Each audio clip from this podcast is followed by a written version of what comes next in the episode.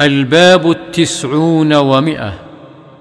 باب فضل انتظار الصلاة.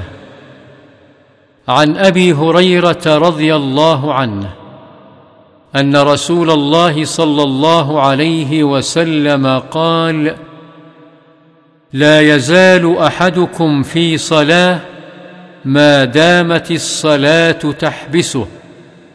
لا يمنعه أن ينقلب إلى أهله إلا الصلاة. متفق عليه. وعنه رضي الله عنه أن رسول الله صلى الله عليه وسلم قال الملائكة تصلي على أحدكم ما دام في مصلاه الذي صلى فيه ما لم يحدث.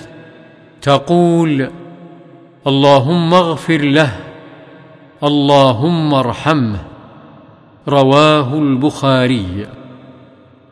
وعن أنس رضي الله عنه أن رسول الله صلى الله عليه وسلم أخر ليلة صلاة العشاء إلى شطر الليل.